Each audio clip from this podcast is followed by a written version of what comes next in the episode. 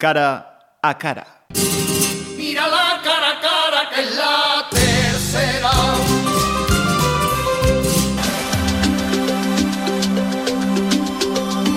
Amigos, ¿cómo están? Bienvenidos. Estamos en el cara a cara. La conversación, la confesión, usted sabe.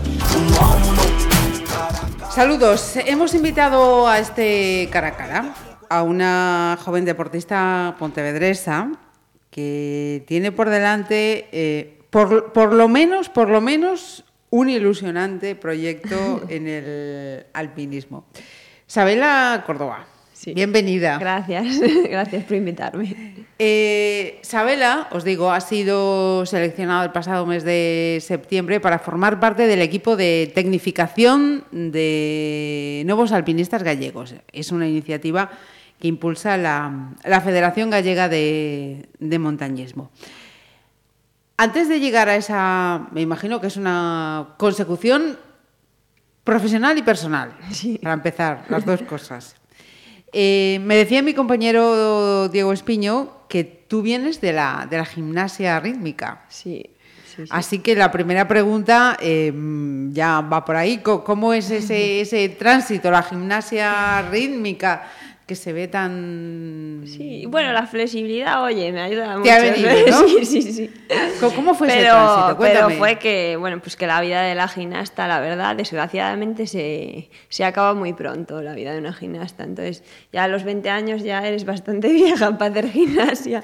Y ahora estoy en un grupo de jóvenes. Eh, yo antes cuando Sabe- Sabela me decía este, digo, pero por favor, no me digas lo de lo de-". Me dice, no, no, es que a los 20... mm, A los Ya- 20 ya- ya, te miran en plan, buf, pero ¿cuánto aguantas aquí?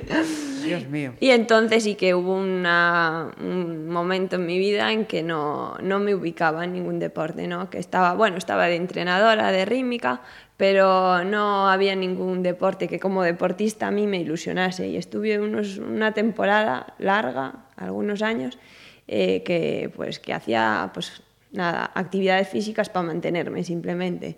Pero sí que mis padres eran montañeros de toda la vida y sí que tengo el recuerdo de ir con ellos de joven al monte, a pues a hacer espeleología. de niña, no me digas de joven, Sí, dime de, niña. De niña. de que niña. todavía eres muy joven. Pero luego eso, mis padres pues ya, ya se hicieron mayores y como que no los pilla a tiempo, ¿no? Para poder disfrutar. Entonces fue cuando me, pues me pasé a la rítmica. Ajá. Y, Al, y- al- al montañismo. Sí, bueno, sí, mm, montañismo hacía con mis padres un poquito así de Sí. vez en cuando. Y pues después de todo ese tiempo, pues sí que conocí a una chica en la carrera que estuve, estuve con ella, pues íbamos una vez al año como mucho a escalar ahí a Cabome. Y pues Qué uno- buen sitio. Sí, es precioso además para escalar, es súper bonito. Sí que tiene pocas vías, pero, pero es precioso escalar ahí al lado. Y, y nada, y un poco así. Luego, en ese periodo de tiempo, pues recordé y dije, va, pues voy al rocódromo de Pontevedra. Y ahí, pues conocí a los de a los del rocódromo de Aromón de toda la vida. Y entonces sí que sí que hice piña con una chica y empezamos con Ruth y empezamos a entrenar con José Juan Domínguez, que es un técnico. Y, y pues me enganché un poco, ¿no? Y ya tuve otra vez esa pues esa vida deportiva que necesitaba, sí.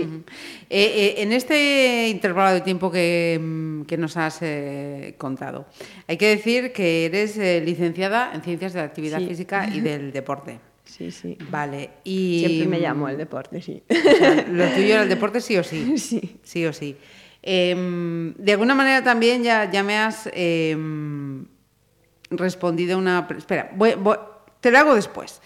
Porque mm, también has hecho mención. Mm, ¿Qué mm, utilidades eh, que estuviste entrenando con la gimnasia rítmica eh, te han servido Ah, vale. posteriormente para... Sí, la flexibilidad sí que se nota así un poco en la escalada, pero bueno, luego, luego un poco eh, pues la disciplina, ¿no? De entrenar, que sí que en rítmica hay mucha disciplina, en, pues en alpinismo no está tan Tan férreo, no está marcado. no. Y, y bueno, y lo que sí que he hecho de menos es no haber practicado un reporte de resistencia, porque en rítmica sí que entrenábamos la resistencia, pero para aguantar los entrenos simplemente. Ajá. Porque eran entrenos muy largos, pero nada más, porque en realidad eh, era o individual un minuto y medio o conjunto dos minutos y medio. Y entonces eso sí que lo echo de menos, ahora un poco, un poco de resistencia justita. Y... Mira, porque para practicar eh, el, el, el alpinismo, eh, ¿qué, ¿qué, cualidades son, son necesarias? Todas, todas, todas. ¿Todo? Todas. Yo creo que sí. ¿No se escapa Sí, sí. una? No, ninguna, ninguna. Bueno, sea, es, mm, la velocidad podría, pero es que también eh, cuanto menos tiempo eches también una montaña, pues menos riesgos corres, pero, Ajá. pero sí que igual la velocidad queda un poco, pero resistencia, bueno, la flexibilidad para escalar, la, la, la velocidad queda así un poquito y, y la fuerza sobre todo también, Ajá. sí. Y, y ahora sí, voy a esa pregunta que te, que te decía antes y que tú apuntabas. ¿Cómo fue ese, ese contacto con, con montañeros? ¿Cómo te acogieron? ¿Cómo fue? Ah, guau, genial. La verdad que es otro tipo de, de mundo, ¿no? El mundo del alpinismo. Bueno, yo empecé como, es, como escalada, simplemente. Ajá. Y, y sí que te acogen, va, es que es, otro mundo totalmente. Como, al no haber esa competición tan... que a veces sí que ves en deportes una competición fea, pero... Muy fea, en el- además, en sí, ocasiones. pero en el alpinismo no, porque competitividad fea aquí, pues corres unos riesgos muy grandes, así que mejor nada. Entonces sí que te acogen genial, vamos. Sí, sí. Yo empecé, vamos, mm, que no sabía, no me meneaba, digamos, y buah, me enseñaron más y simplemente yendo al rocódromo, ¿eh? En plan, mis compañeros del rocódromo, de, bueno, en la roca también, todos, todos. ¿Es un deporte mm, que mantiene más o menos eh, el seguimiento, la práctica, la afición o está incrementando la afición? Yo creo que está incrementando. Iba a incrementar con las Olimpiadas que se incorpora en el 2020, se incorpora la escalada. Ajá. Entonces yo creo que un poco se va... A fomentar la Sí, práctica. También hay que, hay que tener cuidado porque sí que es cierto que al ser deporte de riesgo yo creo que todos deberían tener mínimo pues unas nociones no formativas y que deben de, de acudir a un profesional, a un técnico, por lo menos que te, que Mm. te expliquen cómo funciona el material sobre todo, que a veces yo sí que ahora que sé un poco, pues voy al monte y sí que veo cosas que digo, ay Dios mío, que se va a matar, ¿sabes? Si, si utilizas esto bien, si le hubiesen dado un curso o algo. Sí que eso sí que se tiene que tener un poco en O cuenta. sea, eh, em, a- que nadie se nos tire al monte como No, las cabras no. así por las buenas, que estamos hablando de algo Sí. muy serio. Sí, sí. Muy serio. Sí, que hagan cursos de formación. Pero bueno, una vez que hagas cursos de formación y lo tengas claro, ya pues Ya es todo para arriba, nunca Sí, mejor dicho, sí. ¿no? Mira, y mm, es un deporte mm, para practicar más en equipo que en solitario. Eh, yo lo veo desde esa perspectiva, sí. De, yo aún no me entró la chispa de decir, uy, me quiero ir sola a hacer. Sí que tengo, sí que tengo compañeros, más Marcos, el del equipo, me dijo el otro día, quiero ir a hacer este corredor solo, pero, pero a mí esa chispa no me entró. No, no, no. No, lo veo más como, bueno, que ellos también lo ven, como deporte pues de, de equipo en la que pues también transmite esos valores, ¿no? De, oye, es que tu vida está dependiendo de tu compañero. y, Claro. y no sé, lo veo así por ahora. No sé si más adelante, pero... también eh, es una cuestión de, de- de mucha confianza, ¿no? Sí, sí, sí. Mucha. La verdad que tengo suerte de estar en este equipo que, vamos, tengo toda la confianza en ellos yo. y sí, sí que tienes que confiar mucho. Está claro que si no confías no vas a... No, no sales de- de- del refugio, digamos. Ajá. Mira, eh, Sabela, ¿cómo fue mm, para ti ese, ese proceso de, de selección hasta llegar a, a este equipo de tecnificación? Ah, pues, pues bueno, fue una idea de, de los dos técnicos que nos llevan, creo, de José y Josito, y, y teníamos que enviarles eh, un currículum deportivo. Y la verdad que no, yo dije, bueno, no, no se lo envío, no se lo envío, pero estuvieron ahí insistiéndome. Dale, que sí, dale, que dale, joda, si yo manda, tuviese manda. 30 años, pero mima, ya se lo había enviado hace, hace meses y al final se lo envié. Y oye, si hubo suerte y, me cogieron para las pruebas. Y en las pruebas nos llevaron a Serra de Gredos, que, que bueno, hacer un poco de escalada clásica, escalada de, aventura. Y, y, y- y también me lo pasé genial y yo dije, bueno, la verdad que mereció la pena echar el currículum solo para este fin de semana, porque nos llevan un fin de semana. Claro, te vas con dos técnicos que son increíbles y, y, pf, una experiencia ya, solo ese fin de semana yo ya estaba feliz, pero después y a la semana ya me llamaron y fue como, ¡buah, estás dentro! Y fue... Subidón. Sí, sí. Aún me acuerdo que tenía una amiga al lado que no es nada, para nada deportista. Y decía, jo, va, ya no tengo a Isabela para dos años. En vez de alegrarse por mí, se Me la han abducido. Sí, tal cual, pero es verdad. Mira, y, y en esa Siempre me selección estabais ocho, ¿no? En la salida sí creo que sí, creo que éramos ocho. Eh, eres la única chica Sí. seleccionada. Sí. ¿Esto no es un ele- elemento o un síntoma de que estamos en un deporte eminentemente masculino? Sí, sí. Aun- aunque aumentó la práctica de este deporte, pues en mujeres sí que se... También aumentó en hombres, yo creo, ¿no? Entonces sí que se ve ese porcentaje que es mayoritariamente hombres. Nada, hay que animar a las mujeres a, que, a que se vengan al monte.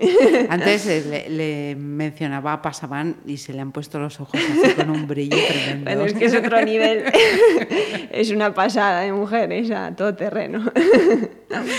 Eh, mira, ¿y mm, cómo están siendo estas primeras eh, semanas en este, en este equipo de tecnificación? ¿Qué estáis Ah, haciendo? Muy bien. Eh, pues nos llevaron una semana, también una semana increíble, a, a Pirineos. En principio nos íbamos, creo, sí, nos íbamos a ir a Picos, pero por las tormentas y así, pues nos fuimos, como teníamos toda la semana ya, nos fuimos a Pirineos al final, para, para, pues, para escapar del mal tiempo, que siempre tenemos que escapar de las tormentas. Ajá.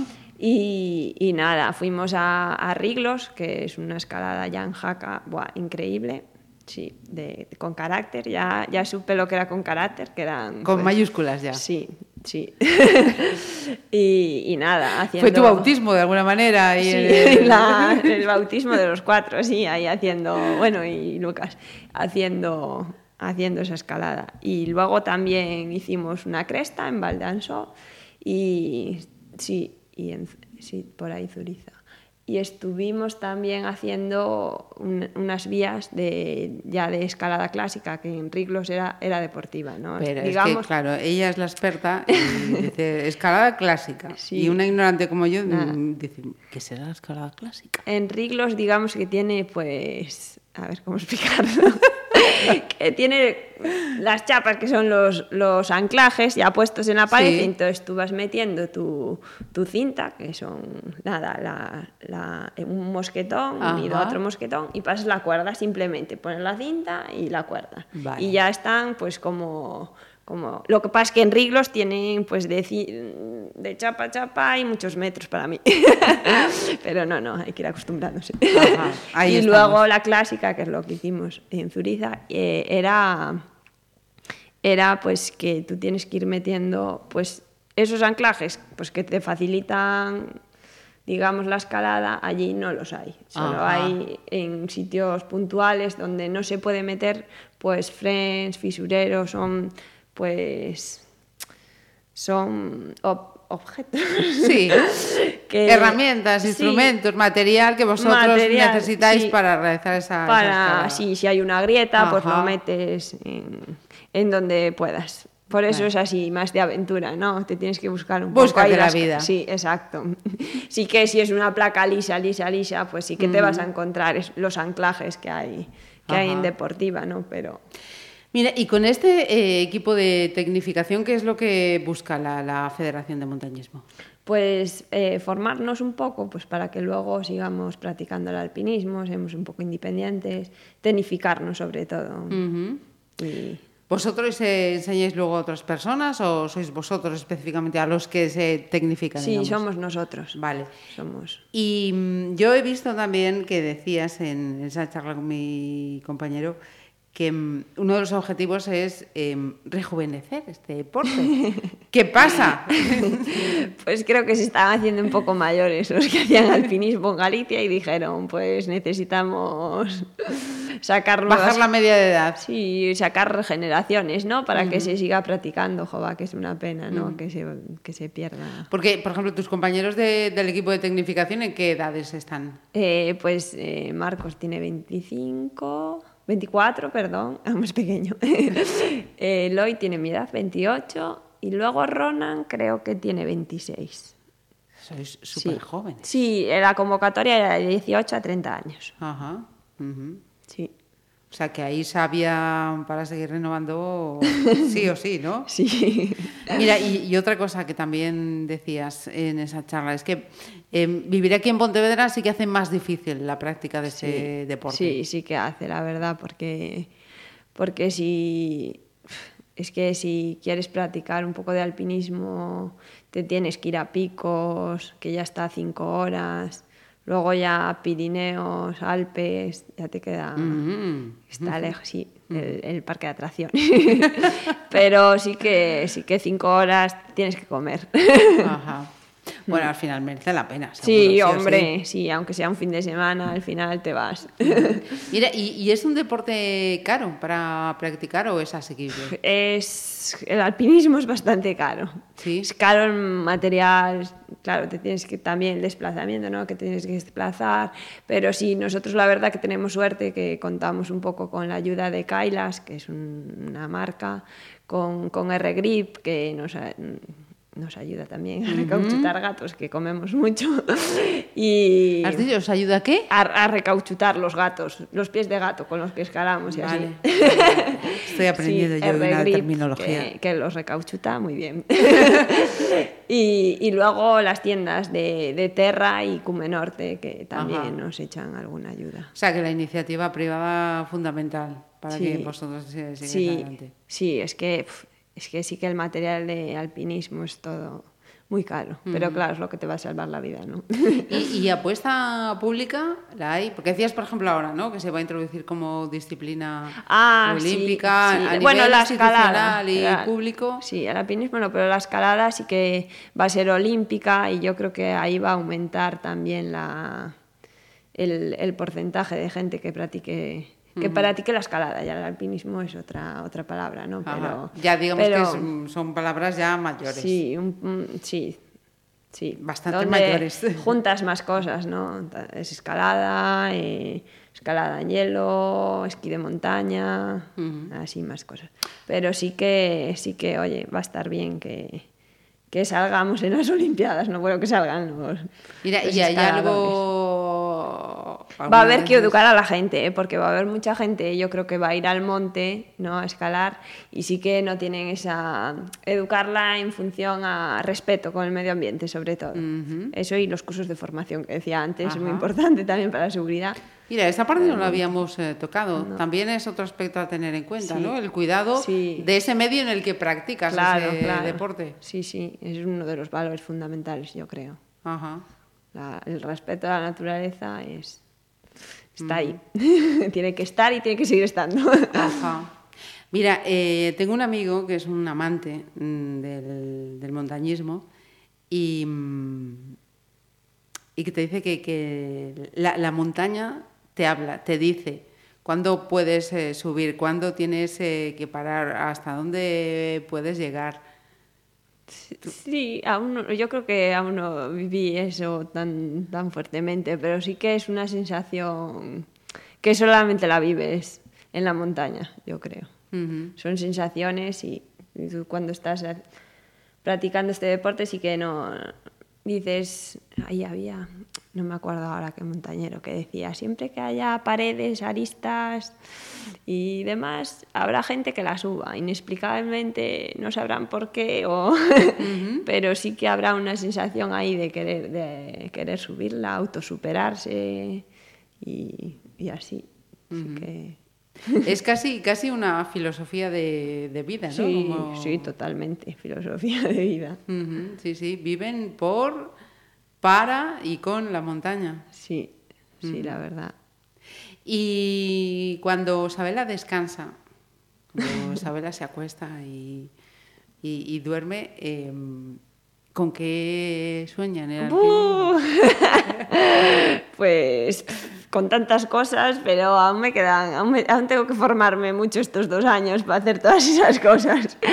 Pero nada, si es que cosas de aquí al lado, de cómo puede ser pues hacer el Lurrieyu por ciertas vías, ¿no? De exigencia, hasta pues irme por ahí. a la Patagonia, como se va a la José, pero eso ya, uf, no lo veo muy cerca. ¿eh? ¿Quién, ¿Quién sabe? Yo de momento, para terminar esta charla, digo que apuntéis este nombre y lo vinculéis con el alpinismo, que la tenemos aquí en Pontevedra, Sabela, Córdoba, ¿vale? Sabela, un placer, mucha suerte y que gracias. esos sueños se cumplan prontito. muchas gracias, muchas gracias. Esta noche tenemos cara a cara. Cara a cara, nos volvemos a ver. Cara a cara. Pontevedra Viva Radio. Oh.